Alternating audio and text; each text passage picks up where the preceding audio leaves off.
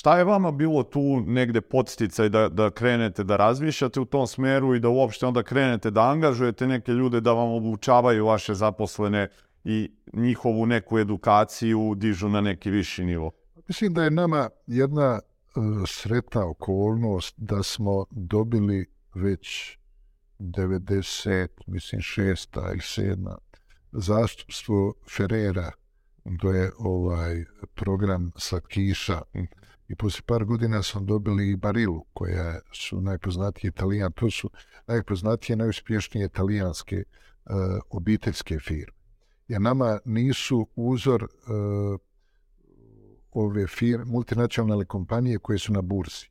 Ferrero i Barilla nisu na burzi, e, oni su obiteljske firme, postili su, razvili su proizvodnju, konkurentnost, kvalitetu i prisutne su na cijelom svijetu. Oni su nam uzor, mi smo distribuirali njihovu robu i naučili smo od njih puno. I onda smo dobili ideju da se bavimo proizvodnjom, da napravimo brand e, i da pratimo tu kvalitetu i da angažiramo stručne ljude koji će obučavati naše ljude. Međutim, e, bez e, talenta naših ljudi ne bi mogli, jer svi ti konsultanti koji su nam bili, uh, oni ne bi nikog od njih zaposlio. Ona, jer eh, oni su ipak imaju drugi mentalitet, imaju druge neke navike, uh, drugačije zahtjeve, ali oni kao konsultanti prenesu znanje na naše ljude koji to odlično primijene i čak naprave iznenađujuće bolje rezultate nego što ovi to uopće očekuju. Naša, recimo, produktivnost i kvaliteta, iskoristivost, e, naš e, stroj za proizvodnju pelena, e, je japanski i oni su prodavali te strojeve u cijelom svijetu. I oni prate produktivnost. E, naš stroj je jedan od najproduktivnijih e, od svih njihovi koji su prodali u cijelom svijetu.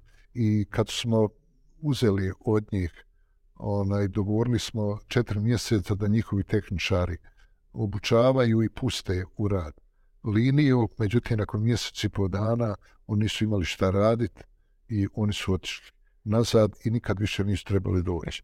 To je znači dokaz da naši ljudi vrlo brzo uče da su uh, kvalitetni, da mogu sami održavati, da mogu sve naučiti, uh, samo treba u nje ulagati. Mm -hmm. I sad kad to kažete, većina ljudi ovdje na našim prostorima smatra eto, naši ljudi su lenji, pa kad odu da rade ovaj, van, oni onda krenu nešto. Imao sam priliku da jedan od eh, gostiju serijala je rekao da je uvek do generala. Da. Jeste vi saglasni sa tim da je uvek do nas, a ne pa do... do nas, mislim da to nije istina, niti su naši ljudi lijeni, niti su nesposobni i uh, oni su čak uh, vrijedniji, odgovorniji od drugi, jer mi smo imali ovdje na montažama od Njemaca, Italijana, Japanaca, nema nacija koji nisu bili na. Međutim, videli smo kad ispanu iz sustava u slobodno vrijeme, poslije posla, da su puno neuzbiljniji i neodgovorniji kad, kad nema i tu šefa, kad nema kontrole, kad ispanu iz sustava, da nisu nimalo. Međutim, ovdje kod nas na Balkanu dugo godina je bila onako nedisciplina, anarhija, nije bilo točno ciljeva, nije bilo onaj eh, tih mjerenja, nije sve bilo neka uravnilovka kao svima jednako, svima dobro, međutim to nije ostvarivo, nije održivo. Onaj, tako da evo to što se pokazalo da su naši ljudi koji odu vani, napravili su karijere, tako da i mi ovdje trebamo samo pravila igre postaviti transparentna, poštena pravila igre i sigurno e, mi trebamo težiti da se naši ljudi što više vrate, jer e, ovi koji dolaze, ako imamo jeftinu radnu snagu, to će nam samo poremetiti sve te odnose. Mi trebamo uvoziti najskuplju, najkvalitetniju radnu snagu koja će obučavati naše. Mi trebamo uvoziti onaj, iskusne konsultante ili inženjere i tako ja sam upoređivao sa sportom.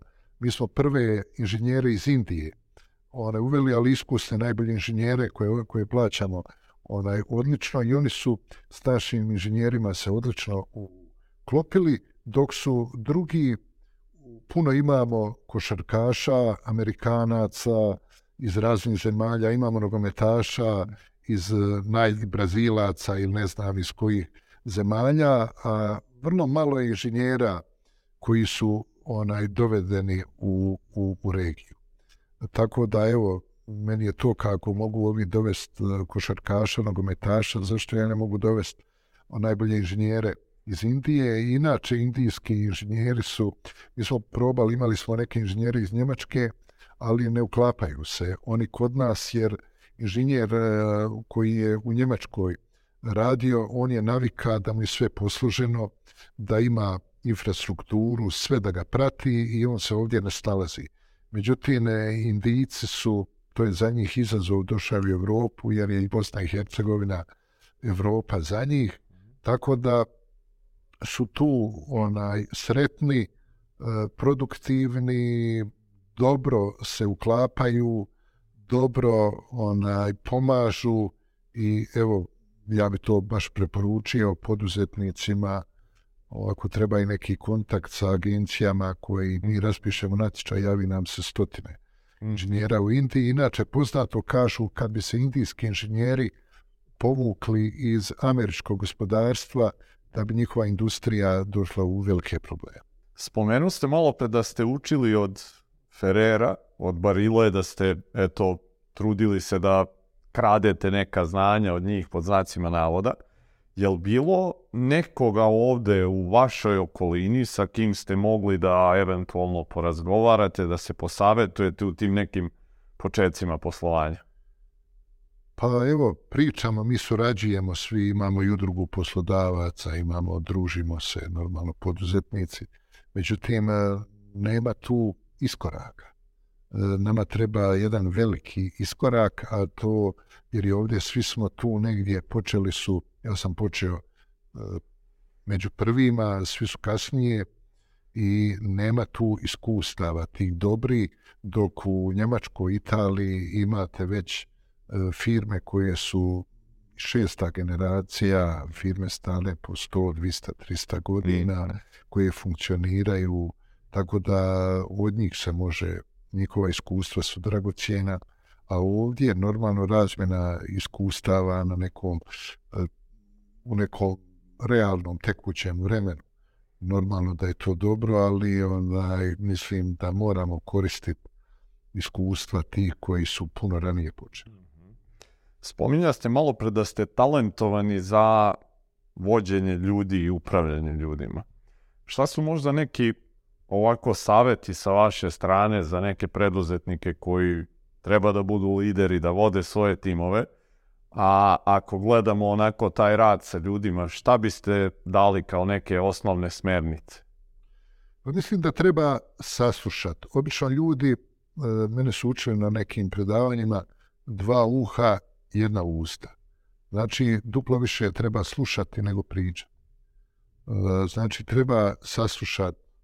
I ja kad dođem u tvornicu, onda prvo dođem do proizvodnih radnika, pa vidim kako imali problema, dok li šta i tek onda idem u ured eh, kod inženjera, tehnologa i to. Tako da oni znaju da ja imam informacije iz prve ruke. Najvam je gore kad imate lažirane neke informacije, da vam neko priča ono što uljepšano, uglađeno, mislim, mora biti iskrenost, mora biti e, točno i mora biti na vrijeme i mora biti sve transparentno ne smijete biti sebični, mora se dijeliti sa drugima i informacije, i znanje, i zarada, i sve se mora dijeliti. E, tako da, evo, mislim da na taki način evo, skupa doće sigurno, sve se to vraća. Onaj, pa evo, ne znam, neki strogi pravila nema, ali ako imate tu e, spontanost i nesebičnost, onda će vam se to sigurno vratiti. Kažu neke vaše kolege ovde da vi uvek tako kad dođete ne zovete nikoga u svoju kancelariju, nego vi sednete sa njima malo za sto, pošto je ovde open space i to, pa ta, na taj neki način razgovarate sa njima.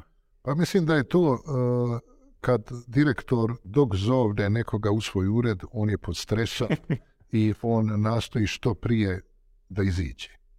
Onaj, međutim, ja nikad ne zovem onaj, da dođe, nego ja dođem na svačije radno mjesto, jer svatko je na tom radnom mjestu najsigurniji i onda vidim kroz pitanja da li on vlada s tim, da li razumi. Jer kažem, nemoj radit ako ne znaš zbog čega, kakve su, eh, koji su efekti tog rada. Ako nešto radiš da bi radio, onda malo sačekaj, pa promisli, pa i vidi onaj, šta će o, iza toga e, proizići, da li šta ako radiš, ako ne uradiš, ako zakasniš ili ako drugačije nešto napraviš, e, moraš se suočiti sa e, posljedicama. E, tako da, evo, mislim da tu kad dođem na svačije radno mjesto, da vidim koliko je neko siguran, koliko on vlada s tim što radi, koliko mu treba pomoći. Jer ako vidite da je neko e, nesiguran, jer e, mnogi imaju znanje, međutim znanje koje nije primjenjeno. Ono nema od njega ništa, nema koristi. Znači, primjena je bitna. Ona, a, mi, a, a mi živimo od primjenjenog znanja. Tako da, jer mnogi profesori, akademici, onda imaju teoretsko znanje, međutim, oni nikad nisu bili na primjen. Međutim, mora biti sve primjenjeno na pravom mjestu u pravu.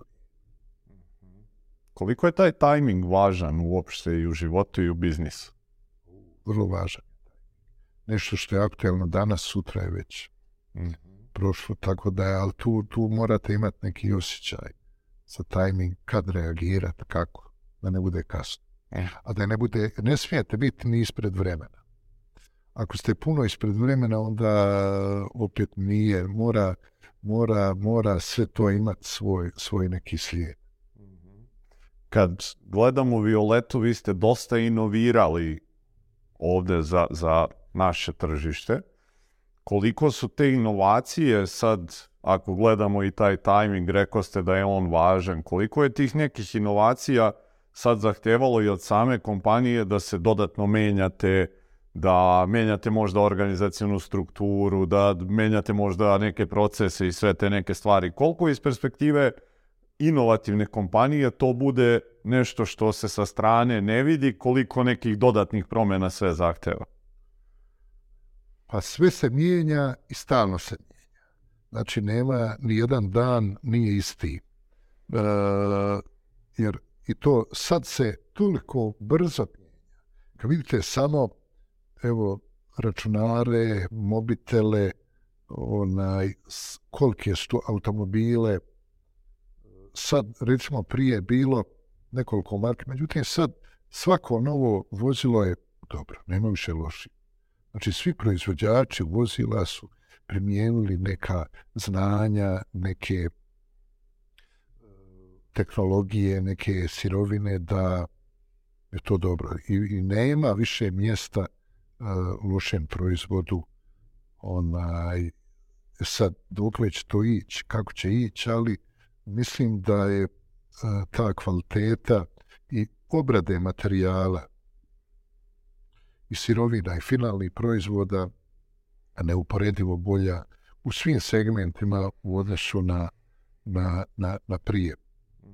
Tako da, evo, mislim, mi smo sad ušli u segment hrane, to nam je veliki izazov i videli smo da tu ima dosta e, prostora. Mislim, hrana je e, najvažnije, jer ljudi ono što je tu onda i žive onaj bolje, kvalitetnije, zdravije i tako. Mi smo se orijentirali, idemo sad prema zdravoj prehrani i mi ćemo uh, u proizvodnji keksa, naše su poznate lasta štrudle, lasta ovi e, štapići, onaj, i tu ćemo proizvodnju štrudla sa smokvom, sad ćemo raditi nasade smokava, sa posebnim vrst, posebnom obradom, da budu ekološki onaj, i sa što manje šećera, što više posebna brašno i da bude o, baš to nešto što, što garantiramo da će ona biti na zadovoljstvo potrošača.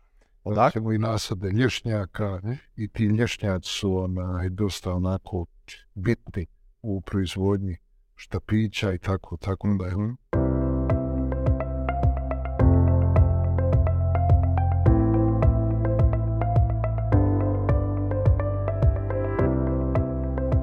Kompanija Lasta postoji od 1952. godine odnosno iz početka nije to bila velika kompanija, nego je bila tek jedna mala gradska pekarnica koja je proizvodila tek 55 kg kruha dnevno. I kako je rastao grad, kako su rasle potrebe ljudi, tako je i lasta rasla. Tako da e, četiri puta je čak mijenjala svoje lokacije jer je svaki put bivala većom i većom. Na ovoj lokaciji na kojoj smo sada je od 1977. godine kad je u stvari bio, bila najveća ekspanzija laste i kad je krenula proizvodnja na daleko poznatih štrudli. Za lastu trenutno je vezano jedno 50 ljudi, što u tvornici, što u uredima, što u nabavi, što u marketingu. Dakle, sad smo evo, godinu dana poslujemo i nekih 50 ljudi.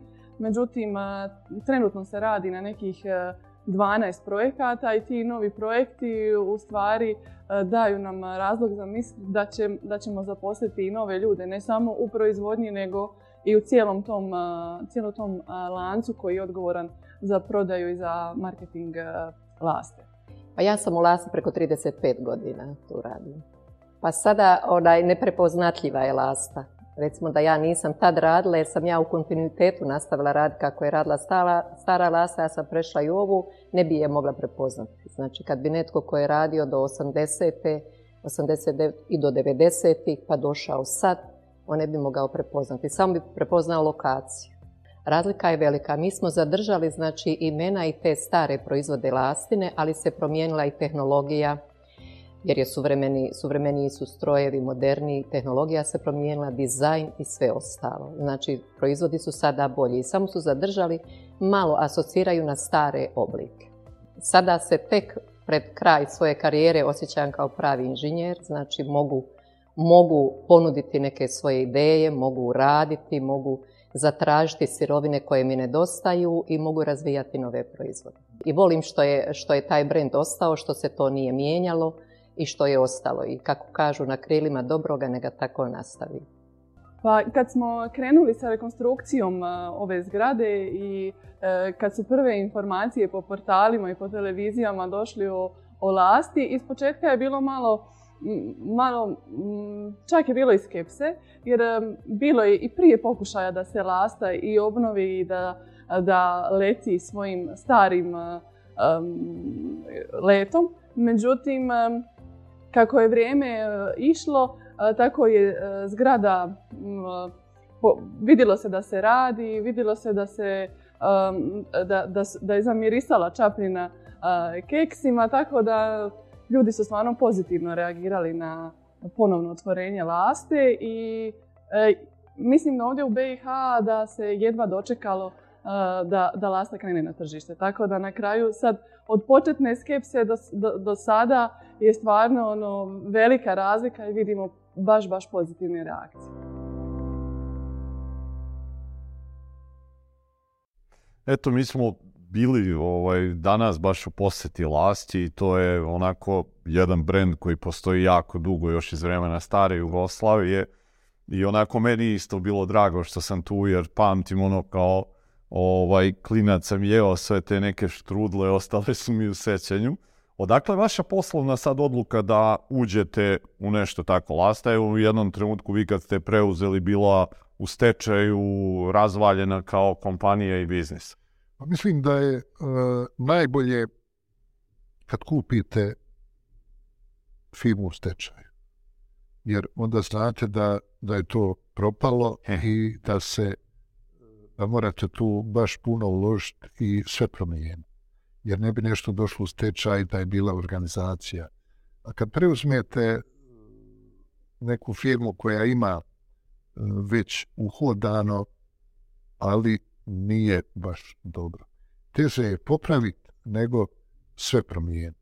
Mi smo vlasti promijenili od krova, poda, instalacija, tehnologije ljudi. Sve je dobro.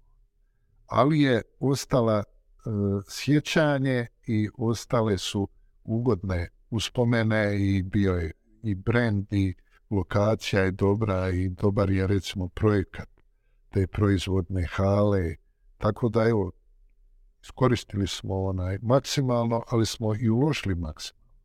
Tako da, mislim, u privatiz... mi, to je prva naša, i to kupili smo privat, od privatnika koji je otišao u stečaj. Znači, mi ništa nismo kupili nikad u privatizaciji, nismo se čak ni javljali nikad na te natječaje, jer a, a, firme kako su stvaran koncept, a, on je a, prevaziđen. A, jer i gospodarstvo u regionu je bilo došlo već krajem 80. godina, bilo je tu problema u konkurentnosti, u, u previše je bilo, nije bilo ta proizvodnja, nije bila u većini e, tih proizvodnih firmi nije bila ni kvalitetom, ni cijenom, ni troškovima nije bila nije bila konkurentna. Mm -hmm. Tako da nastaviti sa istim načinom proizvodnje i znanja nije bilo realno. Evo, nije bilo realno, znači moralo je sa tim ti trendovi eh, koji su najnoviji, oni su se morali tu implementirati, a inače onaj, to je tek kad se ode u stečaj, to je moguće. Mhm. Kad se vratimo sad opet malo u prošlost, onako skakućemo malo sa ovaj vremenskom linijom. E, kad je trenutak kad kompanija izlazi iz granica Bosne i Hercegovine i koliko je sad opet sve to bilo neka novost i zahtevalo neke opet nove promene što kod kompanije, što možda kod vas lično? Pa to je vrlo jednostavno ako nisi prvi u svojoj državi, ne možeš igrat Ligu prvaka ni Evropsku ligu. Mhm. Znači, moraš biti prvi. E, Violeta je u puno Eh, proizvoda broj jedan u državi i onda mi s tim proizvodom možemo ići u na druga tržišta.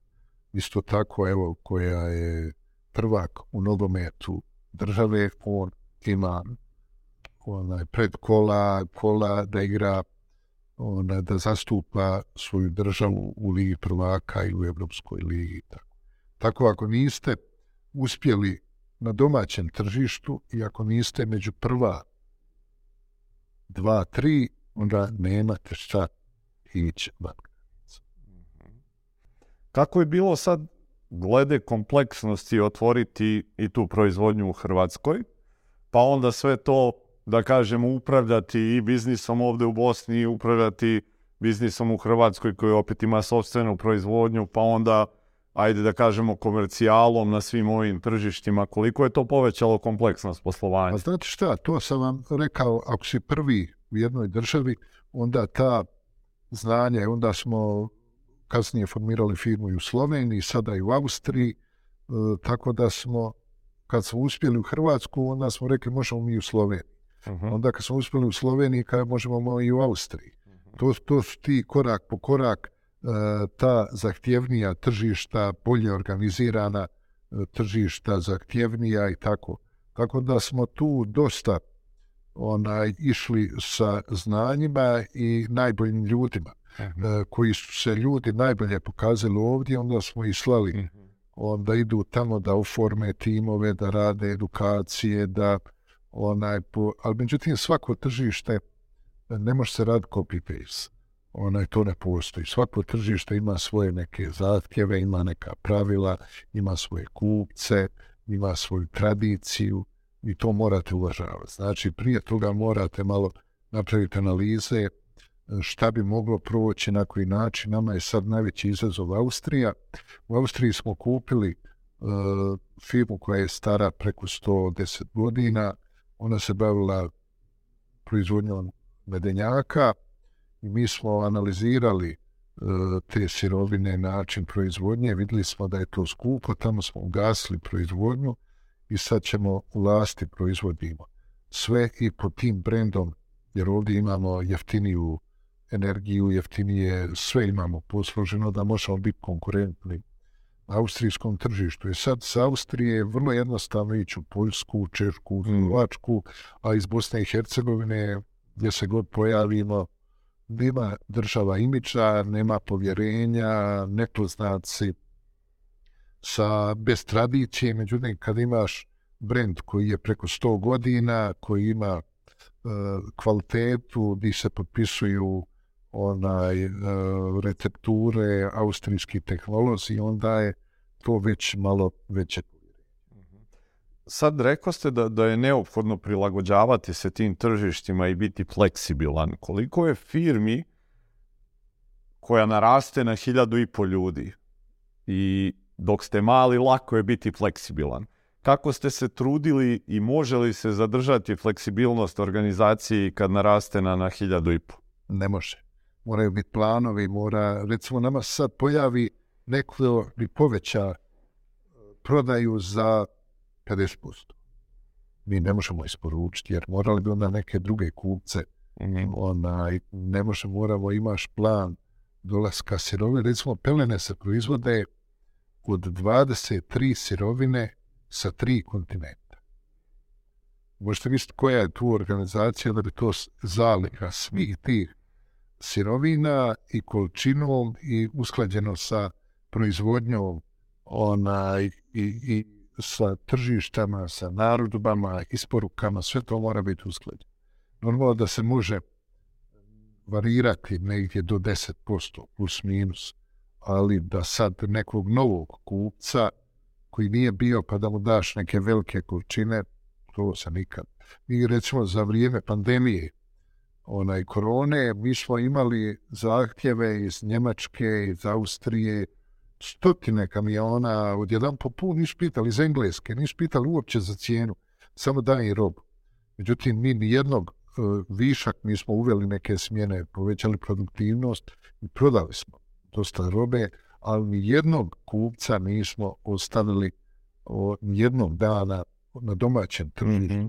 bez robe. Znači, mi smo njima garantirali koliki su njihovi planovi, koliko su prodavali u prošlim godinama, da će im biti to 100% i nismo mijenjali cijene, jer nikad u krizi, kad su neke nepogode, nikad se ne mijenjaju cijene i ne smije se uh, ne, na tim varednim situacijama ni gubiti, ni zarađivati. Znači, mora se tu napraviti neki sklad. I gleda, dugoročno jedna godina ništa ne znači, tako da se tu stabilnost i povjerenje teško stiče, a vrlo se brzo gubi. Tako da evo, mi smo u ovim vremenima onaj, ostali stabilni, ostali onaj, povjerenje smo još više pojačali, tako da evo, mislim da je to poslovanje. Mm -hmm. Šta je vama možda neka od tih situacija kad se okrenete kroz profesionalnu karijeru za koju biste možda mogli da izdvojite da je najteža?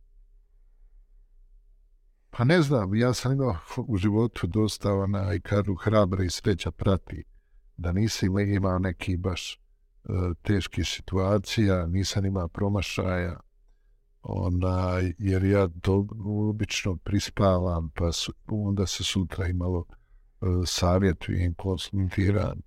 Onaj, tako da, evo, mislim da mi je sve onako baš u jednom lijepom, onaj, dobro, sjećanju da sam sa eh, timovima ljudi koji me okružuju, skupa smo stvarali, unapređivali, izgrađivali, nismo imali recimo gubitaka i obično se poduzetnici žale da ih je neko prevario, da ih je neko zeznio, da im je neko ustao dužan, da im nije platio, šta ja znam. Međutim, mi toga nemamo, ali mi se dogovaramo čvrsto, pravimo ugovore, dozvoljavamo da se poslovanje lako ćemo, vidjet ćemo, pa ćemo kasnije to nešto. Znači, sve se unaprijed dobro precizira, dobro se to stavi na papir i to bi bila onako uh, onaj, preporuka uh, poduzetnicima koji tek počimaju da rade to vrlo profesionalno i da imaju sve na papiru i da ne svećaju olako. Jer kažu Njemci povjerenje je dobro, ali kontrola je bolja. Mm. Tako da morate kontrolirati sustav, morate onaj, raditi sistematično i a, ozbiljno, profesionalno i, i, i najmanja stvar mora vas zagočati život ukoliko je dobro neprecizije. Mm -hmm. Spomenu ste sad opet te timove i a, da se konsultujete sa drugima. Jedna od stvari koja je česta ovde na našim prostorima je taj ego koji postoji kod osnivača ili osnivačice i da nekako mi kao preduzetnici uvek smatramo da smo najpametniji i da smo uvek u pravu. Koliko je vama bilo izazovno i je li bilo uopšte te vrste izazova da nekad saslušate druge, da uvažite njihovo mišljenje, da preinačite svoju odluku u neki njihov ovaj savet ili šta god to već bilo? Pa teško je o sebi govoriti. Mislim da je važnije to šta drugi i to je stvar istina šta drugi vama kažu i kako vas drugi vide. Svak sebe vidi onako u nekom možda svijetu kako on to doživljava. Međutim, meni je, mislim da je vrlo pogrešno, a to je na našim prostorima vrlo često, e, pogrešno je graditi kult ličnosti. Kult ličnosti je opasan i za samu tu ličnost i za okruženje, bilo da je to politika, bilo da je to gospodarstvo, vođenje firmi, moramo svaki je zamjenjiv, jedan čovjek ne znači ništa, ona, ja namjerno onaj, nastojim se izvući da se odluke onaj, donose bez mene, sam, evo, taj osnivač firme e, koji je onaj imao ideju, ali realizacija je došla skupa sa svim tim mm. ljudima, jer bez zajedništva, bez te sinergije, zajedničke energije, nema uspjeha i nema rezultata. I zato kažem, e, taj pojedinac ili taj tekući posao, izvršilački rad osnivača, to je više štete neugod. Ali treba se izvući, vidjeti sa strane šta je dobro, šta nije dobro, kako unaprijediti nešto, kako pomoći ljudima koji nisu onaj, u situaciji da se snalaze ili zamijeniti u tako to teme koje su vrlo bitne, ali kad se izvuče, malo kad se duboko, onda to ništa ne vidiš, a kad se izvučeš iznad površine, tek onda vidiš. Kad spomenete sad eto, te neke odluke, koliko u tim odlukama vašim ličnim danas ima intuicije i dalje? Pa intuicija je uvijek prisutna i ona je potrebna, ali ona mora biti kontrolirana. E, sve što nije kontrolirano, to se može izroditi u nešto negativno. Ona, ja dobijem ideju, intuiciju da bi nešto bilo dobro, međutim, ako me ona, brojke i argumenti e, pokažu drugačije, onda sigurno se od toga odustaje. Nije dakle vaša zadnja? Ne, ne, ne. Ne, ne, ne. to mi je, mislim, najmi je draže kad moji suradnici ili djeca E, daju bolji prijatelj nego što ja. Ja nekad na sastancima namjerno neku glupost predložim i onda gledam reakcije. I ko prvi reagira, ono, da nešto nije, oni koji šute, ono, zamišljeno, znači da nemaju sigurnost u se, da nisu sigurni, da nisu dobronamjerni, da se ne žele izložiti nekom riziku i tu je recimo onako dobar test ko će reagirati, ko neće. Kako izgleda možda u vašim očima neka slika Violete za narednih recimo deseta godina? Pa to je dug period i teško je u tom periodu, teško je, međutim ja mogu uvijek, uh, imamo neke planove, trogodišnje planove mm. za investicije i tako, to, to su neki preko tri godine nije ništa. E, ne ulažemo u samo jednu djelatnost, da imamo neku sigurnost, zato imamo više djelatnosti od Eh, hotelijerstva, turizma, eh, prehrane, neprehrane, ona, i tako više djelatnosti, pa uvijek će neka, ako jedna dođe u krizu, onda će druga pod pomoć, tako da zaposlenici uh, i banke i uh, poslodavac, ja kao poslodavac možemo biti onaj sigurni da možemo dugoročno odstati. Rekao smo malo pre da je negde teško procenjivati sebe, ali ako bi sad vas pitao šta smatrate da je možda jedna od najznačajnijih vaših ličnih osobina koja je bila važna za to da Violeta bude danas to što jeste i ako kažem, apsolutno smo saglasni da ni jedan ozbiljan biznis ne zavisi od jedne osobe. Pa ne znam, mislim, ako nemaš sreće u životu, sve, sve. Tako da u, u pravo vrijeme na pravo mjesto. I ako te malo mora ima hrabrosti, a kažu hrabre i sreća prati. A onda sistematičnost, znanje, stručnost dolaze i kasno. Jer e, kad mi vidimo, mi nismo imali, kad smo prvu proizvodnju pokrenuli, niti smo imali znanja, ni tradicije, ni iskustva, jer e, Grude kao malo mjesto bili su jedno od najnerazvijenijih u bivšoj Jugoslaviji. E, I nisu imali industrijsku tradiciju. Znači da bi nekog, E, znači industri, e, tradicija industrijskog radnika je vrlo bitna. Ovdje bio je isključivo poljoprivredni kraj i to e, sa vrlo škrtom zemljom i vrlo teško se živilo. Znači u gene je ušla upornost, izdržljivost. Jer naši ljudi su puno se iseljavali, ima ih puno u Kanadi, u Americi, Njemačkoj. Nema gdje nema iz Hercegovine. Ljudi i oni su tamo pokazali da su prilagodljivi, da vrlo brzo uče, da se ono, snalaze i tako. Tako da u, tim, e, u tom vremenu je trebalo imati hrabrosti i sreće. Ne previše znanja i pameti. Međutim, da bi, kaže, teže je e, carstvo održati nego stvoriti. I sad je umjeće, sad dolazi do izražaja znanja, održivosti, kontrole, onaj, razvoja. Tako da, evo, to sad, sad dolaze. U startu je samo hrabrost sreća. Mhm. Jel bi ako biste trebali da date neki savet onima koji nas gledaju, a koji možda ili su na počecima ili razmišljaju da uđu u preduzetničke vode, jel bi to bio ovaj neki savet ili biste dodali možda još nešto pored te hrabrosti? E, sad su nova vremena.